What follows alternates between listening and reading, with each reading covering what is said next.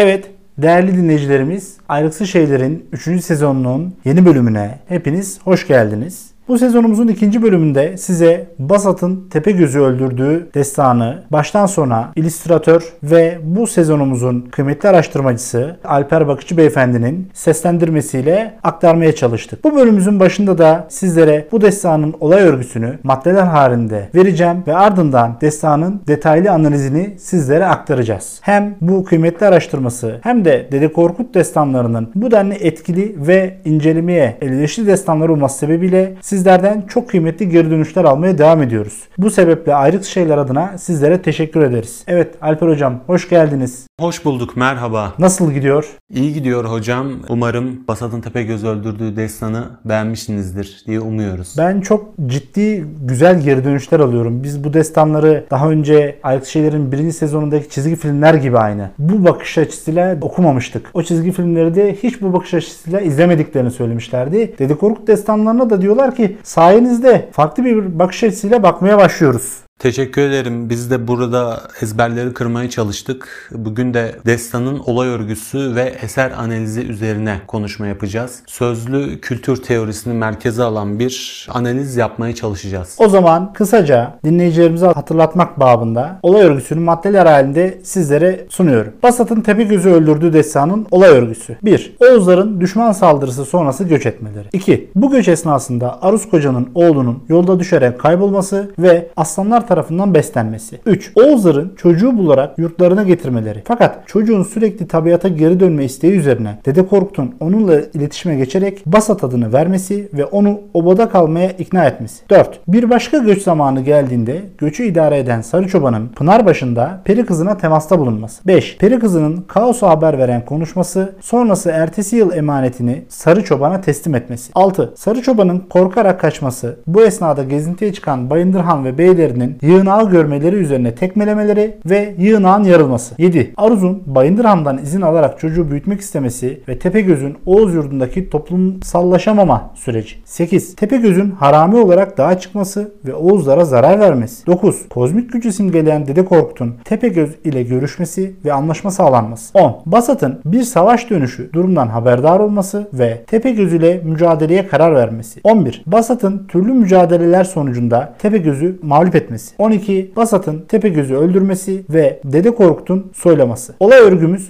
bu şekildedir. Olay örgümüzden de anlaşılacağı üzere destan Oğuzların konar göçer hayatını anlatan şu tasvirle de başlamaktadır. Bir gün Oğuz otururken üstüne yağı geldi. Gece içinde ürktü göçtü. Kaçıp giderken Arus Koca'nın oğlancığı düşmüş. Bir aslan bulup götürmüş, beslemiş. Evet Alper Hocam burada destanın başlangıcından itibaren hem metin analizini hem de genel olarak destanın analizini yapmaya başlarsak ilk başta ne söyleyebiliriz? Sanki metin böyle olaya tam kalbinden, tam orta yerinden, sözün ortasından girmiş gibi ben bir dinleyici olarak ve okuyucu olarak böyle bir his duydum. Siz ne dersiniz? Dediğiniz doğru tam kalbinden girer gibi. Böyle ifade edelim. Daha önceki bölümlerimizde hatırlarsanız sözlü kültürün icra ortamından bahsetmiştik ve bu icra ortamının bugün biz modern okurun anlayacağı bir ortam olmadığını ve o ortamın kendi gerçeklerine göre bir eser oluşturduğunu ifade etmiştik. Burada destanı oluşturan bir nevi sözlü kültür ortamı da anlatıcı bunu aktaran kişi sözlü kültürün daha akılda kalması için biraz da zorunluluktan dolayı bizi bizzat metnin ortasına yani bir nevi gelişme bölümüne aktardı. Burada ne demiş? Bir gün Oğuz otururken üstüne yağı geldi. Direkt bizi öncelikle bir olayla buluşturuyor. Bir tasvir çiziyoruz evet, aklımızda evet. fark ettiyseniz. Tabii. Bunun dediğim gibi en önemli sebebi sözlü kültürün icrasında aktarıcının ister istemez konunun akılda kalması için bizi metin ortasına yerleştirme isteği. Heksametrik dizi ölçüsü dediğimiz durum. Çünkü daha önce de ifade etmiştik. Bu ortamda bir yazılı kültür yok. Bir kültüre dair bir verimi aktarabilecek bir kağıt kalem yok. Veyahut onu ses kaydına alacak bir ortam yok. Ondan dolayı aktarıcı ne yapmalı? Akılda kalıcı olması için bilgiyi daha çok merkezden vermeli. Bundan dolayı destan burada özellikle başlamış. Diğer bir konu konu daha var burada. Ne diyor? Gece içinde ürktü göçtü. Kaçıp giderken Aruz Koca'nın oğlancığı düşmüş. Şimdi burada Oğuz toplumunun öncelikle hangi coğrafyada yaşadığından da biraz bahsetmemiz gerekli. Oğuzlar burada akıncı özellikleriyle ön plana çıkıyorlar. Oturdukları yer, metinde bize anlatan yer Gürcistan sınırı. Kazan Beyler hep Gürcistan sınırındasın dikkat et kendine. Düşmanlar Şöklü Melik isimli düşmanlar var. Kafirler bir nevi ve bunlar akıncı beyleri oldukları için Oğuzlar burada. Bugün aklımızda şu coğrafyayı canlandıralım. Azerbaycan'ın Gence tarafı, Gürcistan tarafı ve bizim Doğu Anadolu bölgesindeki Erzurum Van bölgesi. Oğuzların yaşadıkları alan bu. Öyle olduğu için Oğuzlar ister istemez bir düşmanla karşılaşmak durumundalar. Göçebeyi göçebe yapan neydi? Göçebeyi göçebe yapan hızlı oluşu ve atik oluşuydu. İşte biz burada bunu görüyoruz. Oğuzlar üstüne otururken yağı geldi gece içine ürktü göçtü. Bir anda hemen göç edip tekrardan göç ettikleri yere geri gelebilen ve savaşçı altyapılarını oluşturabilen bir toplumla karşı karşıyayız burada hocam. Alper hocam bir de ben şöyle bir şey fark ettim devamında destanın. Burada da şöyle der dedem Korkut. Oğuz yine günlerden sonra gelip yurduna kondu. Oğuz Han'ın ılkıcısı gelip haber getirdi. Hanım ormandan bir aslan çıkar. At vurur. Apul apul yürüyüşü adam gibi. At basıp kan sömürür. Arus hanım ürküttüğümüz zaman düşman benim oğlancığımdır belki dedi. Burada da gene olayın içerisinde, olayın kalbinde sıcağı sıcağına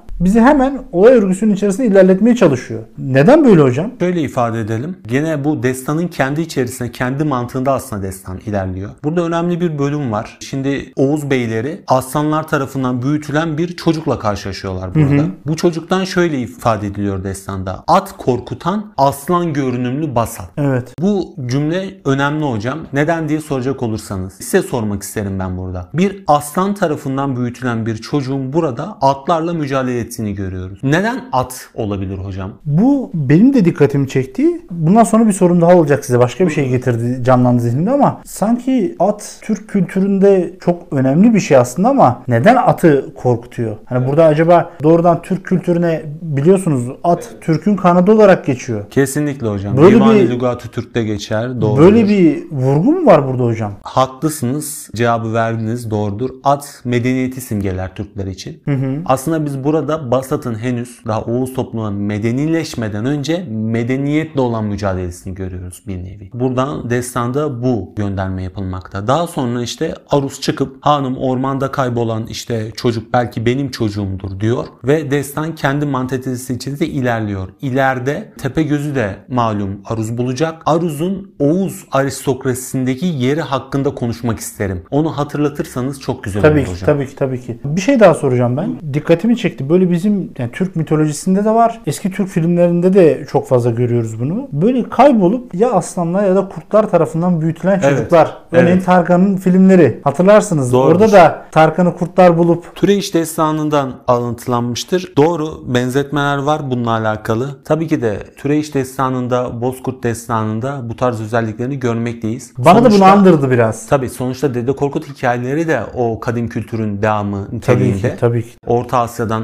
Anadolu'ya gelen süreç içerisinde tabii ki de biz sadece yer değiştirirken yer değiştirmekle kalmadık. Kültürümüzü de getirdik. Tabii, Aktardık doğru, ve bir o kadar da farklı kültürlerden etkilendik. Bakın biz burada özellikle aslında Oğuz toplumunun da farklı kültürlerden etkilenme sürecinden de bahsediyoruz. Diğer bölümlerde de bahsetmiştik. Tabiat medeniyet ayrımını, tabiata geri dönüşün olmayacağını, medeniyetin ileride olduğunu. Buradaki kaos kozmostan kasıt yalnızca medeniyeti almak değil aslında aktarım sürecinde de bunu iletişimi olumlu şekilde devam ettirmekte. Hocam bir de bu da aslında ilgi çekici. Eminim bunun da bir sebebi var. Basat'ın adı neden Basat? Bas at kelimeyi ayırdık. Basmak, atları basmaktan geliyor. Çok iyi. Burada da şöyle bir şey var. Hem bu Basat'ın ismiyle alakalı hem de Dede Korkut'un Basat'a ismini vermesiyle ilgili destanda da önemli bir yer var. Burada Aruz'un sözüne kulak veren beyler gelerek önce çocuğu buluyorlar ve obaya getiriyorlar. Evet. Çocuk yerinde durmayarak sürekli aslan yatağına geri kaçıyor. Kaçmaya başlıyor evet. Oğuzlar ise sürekli çocuğu aslan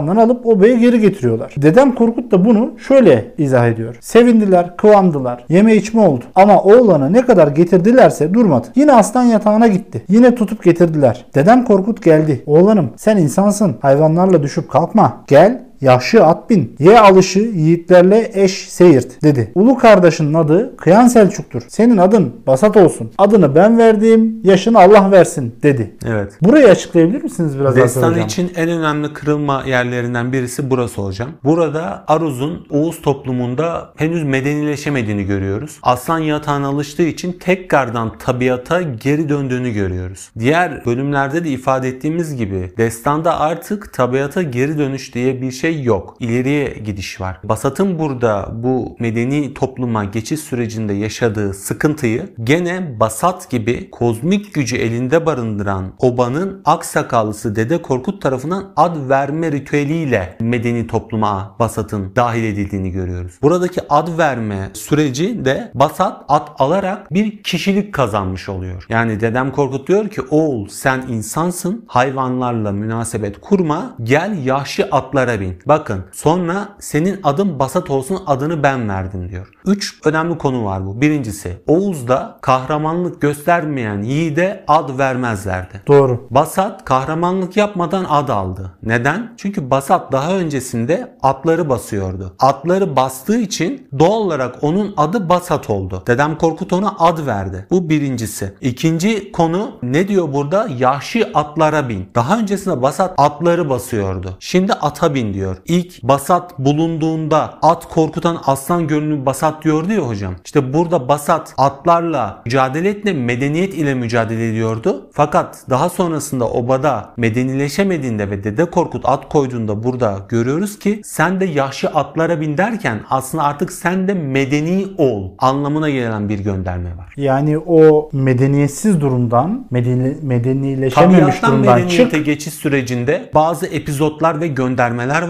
Dedem Korkut'ta bu e, ad verme durumu bir taraftan da destanın kendi mantalitesindeki kuralsızlıktan kurala geçişi de bildirmekte. Dede Korkut'un ara sözleri, epizotları bize kuralsızlıktan kurala geçişe çağrıyı bize bildiriyor. Basat artık bu süreçten sonra ad aldıktan sonra destan içerisinde artık mitik özellikleri olan bir kişilik kazanmış Oğuz Alpi olarak karşımıza çıkıyor. Burası destanın en önemli ilk kırılmalarından birisi diyebiliriz.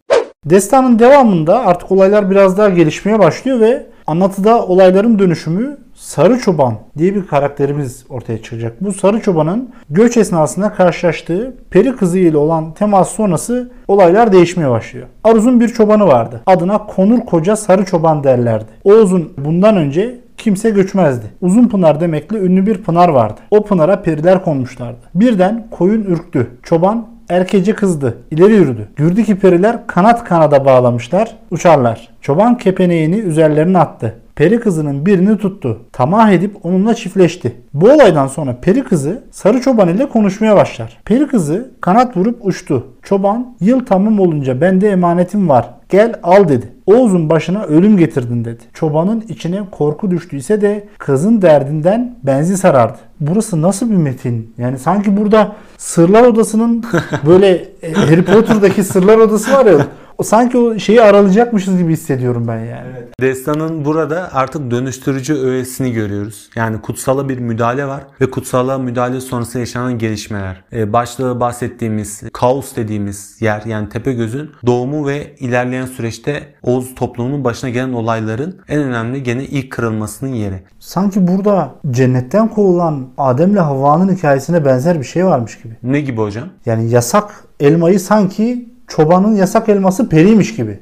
Bu şekilde de bir cezalandırma varmış gibi sanki. Evet evet bir kutsala müdahale var burada. Şimdi öncelikle şundan bahsedelim. Peri kızı Türk destanlarına aslında yabancı. Fakat burada şunu görüyoruz. Aruz'un bir çobanı var. Adına da Konur Koca Sarı Çoban derler. Gene bir Aruz atıf var. Aruz'un Oğuz aristokrasisindeki yerine Tepegöz'ün doğumundan sonra girelim. Bir Aruz'un çobanının burada bir peri kızına teması var ve peri kızının daha sonra Oğuz'un başına ölüm getirdin ikazını görmekteyiz. Öncelikle burada kutsala olan müdahale iki türlü hocam. Birincisi Sarı Çoban'ın bir anlık hani zevki için ortaya koymuş olduğu yanlış sonucunda oluşan olaylara peri kızının dilinden biz aslında burada destandaki kırılmayı görüyoruz. Ama Oğuz'un başına felaket getirdin. Bakın burada peri kızı Sarı Çoban'a senin başına felaket geldi demiyor. Dikkatinizi celbederim. Oğuz'un başına felaket getirdin diyor. İlerleyen bölümlerde destanda artık Tepegöz'ün doğumuyla birlikte Oğuz obasının başına bir felaket geldiğini göreceğiz. Bir diğer önemli olay ise hocam bunu da atlamamak gerekli. Bu olay bir göç sırasında oluyor. Göç bu toplum için çok önemli hocam. Göçün başındaki kişi ehil olmaz ise toplumun başına felaket gelir. Burada bu gönderme var. Aruz'un çobanı işini ehil bir şekilde yapmayıp dünyevi zevklerin kurbanı olduğu için hem göçün istikrarını zedeledi hem de Oğuz'un başına felaket getirdi. Çünkü kolektif hafızanın ön planda olduğu bir mecrada günahı işleyen kişi şahıslar tek değildir. Günahı şahıs işler ama o günahın cezasını toplum çeker. Bunun devamında da artık seneyi devriyesi olduğu vakit artık yeni bir karakter karşımıza çıkacak. Tepegöz. Tepegöz. Ya burada da hikayede şöyle bir şey var. Oğuz beyleri toplanırlar ve bir cenin torbası Evet görürler. görürler. Ne olduğunu anlamak için de torbaya vururlar. Fakat onlar vurdukça torba büyür. Onlar vurdukça torba büyür. Berikeni çağırırlar derler ki ya burada bir şey var ne olduğunu anlamadık. O gelir bakar onun da vurmaktan başka aklına bir şey gelmez. O vurur torba gene büyür. En sonunda bu yığınak yarılıp içinden bir oğlan çıkar. Ama destanda da bu şekilde yer alır. Gövdesi adam tepesinde bir gözü var. Bu kimdir Alper hocam? Sarı çoban Tepegöz gerçeğiyle karşılaşıyor. İlk başta panik oluyor. Daha sonrasında buna bir müdahale etme ihtiyacı duyuyor. Bir vuruyor daha çok büyüyor. Bir vuruyor gene büyüyor. Ondan sonra çoban ortadan kayboluyor. Bakın burada bir başka kırılma daha var. Çobanın bundan sonra destanda görülmediğini görüyoruz. Hiç adı geçmiyor evet, doğru. Evet adı geçmiyor. Artık bundan sonra peri kızının dediği gibi Oğuz'un başına felaket getirdin cümlesindeki o felaket gerçek olmaya başlıyor. Daha sonra beyler bir yürüyüş anında bu ceninle karşılaşıyorlar ve onlar da vuruyorlar. Vurdukça büyüyor, vurdukça büyüyor ve daha sonra Tepegöz doğuyor. İlginizi çekti mi? Dramatik bir doğum var burada. Doğan bu kaotik yap kişi Tepegöz daha doğum anında bile şiddete maruz kalıyor. Hiç bu açıdan bakmamıştım. Çok doğru. Burada bir şiddet var. Şiddete maruz kalıyor ve doğumu bu anlamda çok önemli. Yani kaos aslında doğmadan bize neyin geleceğine dair peri kızı ismiyle bir şeyler göstermişti. Sarı çoban tekmeledi, Oğuz beyleri tekmeledi ve şimdi Tepegöz doğdu. Tepegöz doğduktan sonrası daha da ilginç. Tepegöz'ü Arus sahiplenmek istiyor. Evet ilginç bir şekilde aruz var değil mi hocam? Aruz var ve Aruz burada aynen şu şekilde söylüyor. Hanım bunu bana verin. Oğlum Basat'la besleyeyim diyor. Bunun sebebi nedir? Destanın kendi mantığı içerisinde ilerlemesi için bu çocuğu Aruz'un alması gerekliydi. Neden diye soracak olursanız bunun iki sebebi var. Birincisi destanın devamı için Basat'ın Tepegöz'le karşılaşması için bir aile içi soruna ihtiyaç var. Aruz'un Tepegöz'ü sahiplenmesinin ilk sebebi bu. Bir başka ayrıntı daha aslında gizlidir bu. Dede Korkut hikayelerini okuyan dinleyicilerimiz belki konuya vakıflardır. Biz ilk bölümde de Dede Korkut hikayelerinden bahsetmiştik. Son destanı hatırlıyor musunuz? Dış Oğuz'un iç Oğuz'a isyan ettiği ve Beyri'nin öldüğü destan. İşte orada Aruz Kocaeli'ni görüyoruz. Bakın destan öncelikle ciddi anlamda birbirine bağlantılı. Bir bütünü ifade ediyor. Oğuz toplumunda Hanlar Hanı denilen bir Bayındır Han var. Bayındır Han ve yiğitleri buldular Tepegöz'ü. Bayındır Han bir nevi o toplumun hükümdarı. Onun altında ise aristokrat olarak İç Oğuz ve Dış Oğuz diye ayrılmış. İç Oğuz'un başında Kazan Han yer alıyor.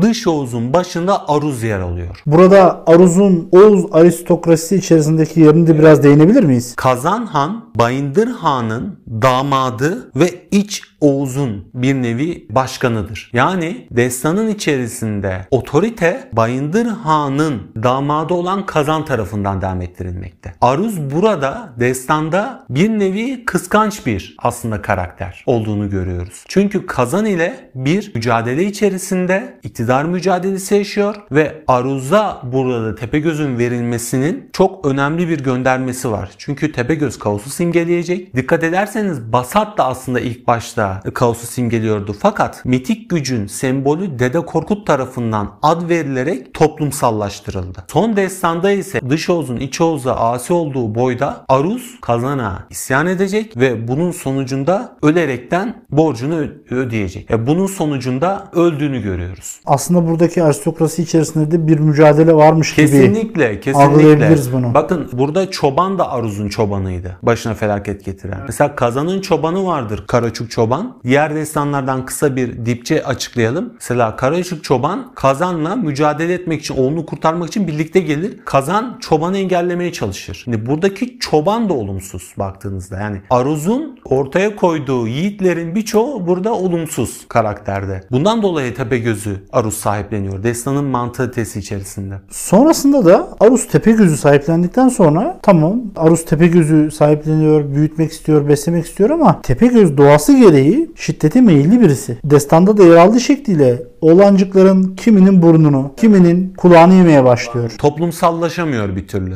Diyor ki destanda sözün kısası orada bunun yüzünden pek incindiler. Başa çıkamadılar. Aruz'a yakınıp ağlaştılar. Aruz Tepegöz'ü dövdü, sövdü, yasak eyledi. Tepegöz eslemedi. Sonunda onu kovdu. Yani Aruz öyle bir toplum içerisinde sanki o kadar topluma ısınamıyor, topluma kaynaşamıyor ki onlarla çocuklarla oynamak yerine onları dövüyor, şiddet uyguluyor. Aruz uyarıyor, defalarca dinlemiyor ve en sonunda artık Aruz Tepegöz'ü kovmak zorunda kalıyor. Toplumdan dışlanma süreci başlıyor sanki Tepegöz'ün. Burayı biraz açıklayabilir miyiz? Burada da Tepegöz'ün dediğiniz gibi medenileşemediğini ve toplumsallaşamadığını görüyoruz. Ondan sonra Oba'nın Aruz'a şikayetleri var. Bak gene şiddet var hocam burada. Aruz en sonda da gene şiddet uyguluyor. Fakat Tepegöz gene medenileşemeyince Tepegöz o kaotik yapısı sebebiyle Oba'dan ayrılmak zorunda kalıyor. Burada ilginç bir olay var hocam. Bilmiyorum siz nasıl gözünüzde canlandırırsınız. Fark ettiyseniz Tepegöz'ün adı üzerine Tepegöz gözünde bir gözü var ve farklı bir yaratık. Fakat Tepegöz'ün kabulünde, obaya yerleşmesinde, medenileştirmeye çalışmasında bir sıkıntı yok. Düşünsenize hocam mesela Tepegöz büyüdü ve çocuklarla oynamaya başladı. Tepegöz'le oynamamazlık yapmadılar. Onu beslememezlik de yapmadılar. Burada bir sıkıntı yok. Doğrudan Yani- kabullendiler. Evet onu kabullendiler. Tepegöz'ün kovulması gözünde bir gözü olduğu için ve farklı bir yaratık olduğu için değil. Toplumsallaşamadığı için. Destanın kendi mantalitesinde Tepegöz isteseniz de istemeseniz de medenileşemiyor. Çünkü peri kız ne demişti? Amma Oğuz'un başına felaket getirdin. Destan gene tüm hızıyla burada devam ediyor. Bir de benim şu dikkatimi çekti. Tepegöz bu aşamalara kadar gelip bu aşamaları geçirirken peri kızı da ortalıklarda yok. Şimdi peri kızı sahneye Peri çıkacak. kızı Kesinlikle. sonradan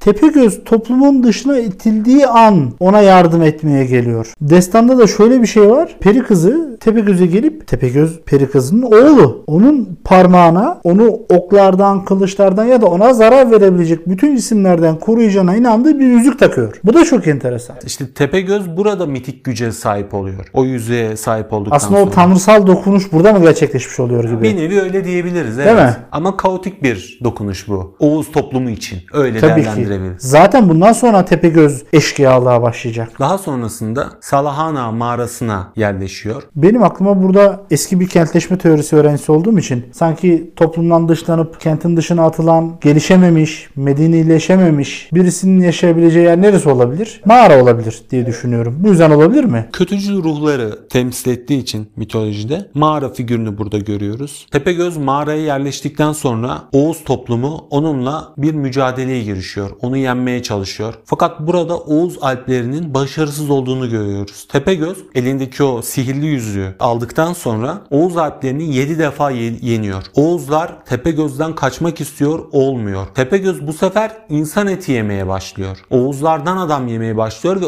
Oğuzlar o kadar zor durumda kalıyorlar ki müşkillerini anlatabilecek Dede Korkut'a danışıyorlar ve Dede Korkut'u Tepegöz'e gönderiyorlar. Hani sen git ve onunla anlaş diyerekten. Sonrasında Dede Korkut Tepegöz'le konuşmak istiyor. Burada da resmen bir pazarlık var. İşte diyorum ya Oğuz toplumu Dede Korkut'u Tepegöz'le anlaşmak için gönderdi. Hocam burada politika var. Tabii ki. Net şekilde şimdi Oğuz Diplomasi toplumu değil mi? Bu bir kesinlikle nevi bir diplomasi. diplomasi yapılıyor burada evet. Çünkü Oğuz toplumu kaba kuvvet ile Tepegöz'ü yenemeyeceğini fark ediyor ve obanın mitik gücü Dede Korkut'u Tepegöz'le diplomasi yapmak için gönderiyorlar. Dede Korkut'un ağzından burayı dinliyoruz. Burada da çok önemli göndermeler var hocam. Dede Korkut Tepegöz'le konuşurken Tepegöz şöyle bir ifade kullanıyor. Günde 60 adam verin yemeğe. Adam yiyen bir varlıkla, canavarla karşılaşıyoruz. Dede Korkut konuşuyor. E böyle olursa diyor sen diyor Oğuz'la adam bırakmazsın, tüketirsin. E ne yapalım? O zaman diyor günde diyor iki adamla 500 koyun verin yemeğe. Artık adamın dışında koyun da yiyebiliyor.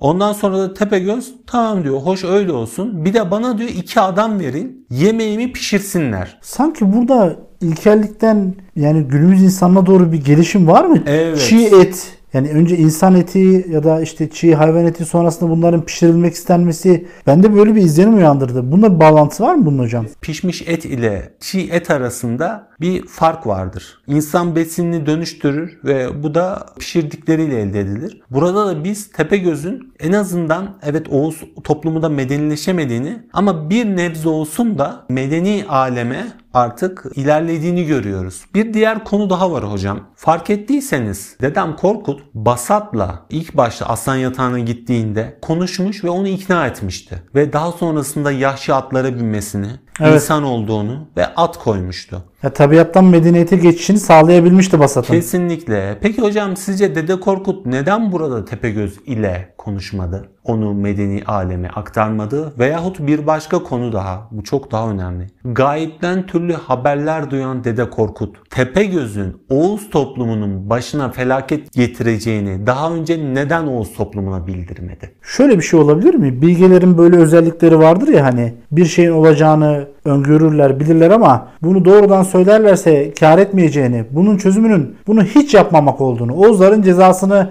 toplum böylece çeksin, bu günahın bedelini toplum olarak ödeyelim diyor olabilir mi? Yaptığımız araştırmanın ana konusu neydi? Kaos kozmozdu. Kozmosun yaşanması için kaosun yaşanması şart. Doğru. Dede Korkut burada olan olaylara müdahale etmiyor. Çünkü burada kutsala bir müdahale var ve Oğuz toplumu peri kızının amma Oğuz'un başına felaket getirdi cümlesini yaşamak zorunda. Biz daha öncesinde ne demiştik? Sözlü kültürün icra ortamı ve sözlü kültürdeki tipler yuvarlak tipler değillerdir. Bunlar daha nasıl söyleyelim arkaik özellikleri olan belli ezberleri olan tipler. Ondan dolayı bir sürecin düzenine çıkması için o kaosun bu sistemde yaşanması gerekli. Dede Korkut onun için burada Oğuz toplumuna müdahale etmedi. Sarı çobanın işlemiş olduğu aslında suç daha önce de belirtmiştik. Çoban olarak bir kişisel suç değildi. Oğuz toplumunun bir nevi suçu oldu. Yani burada bir kolektif düşünceyi görüyoruz. Burada bir benlik duygusu yok biz duygusu var. Ve Tepegöz burada mağaraya giderekten tüm ısrarlara rağmen bizleşemedi. Bu diplomatik görüşmelerden sonra bir yerde de artık diplomasinin işlemediğini, işleyemediğini, diplomasinin işlemediği yerde de artık çatışmanın, savaşın, kavganın, mücadelenin başladığını göreceğiz. Destanın devamında bir sonraki bölümümüzde bu konuları ele alacağız. Diplomasinin tıkandığı yerde çatışmanın nasıl başladığını ve ilerlediğini göreceğimiz bölümümüzde görüşmek üzere. Görüşmek üzere değerli dinleyiciler.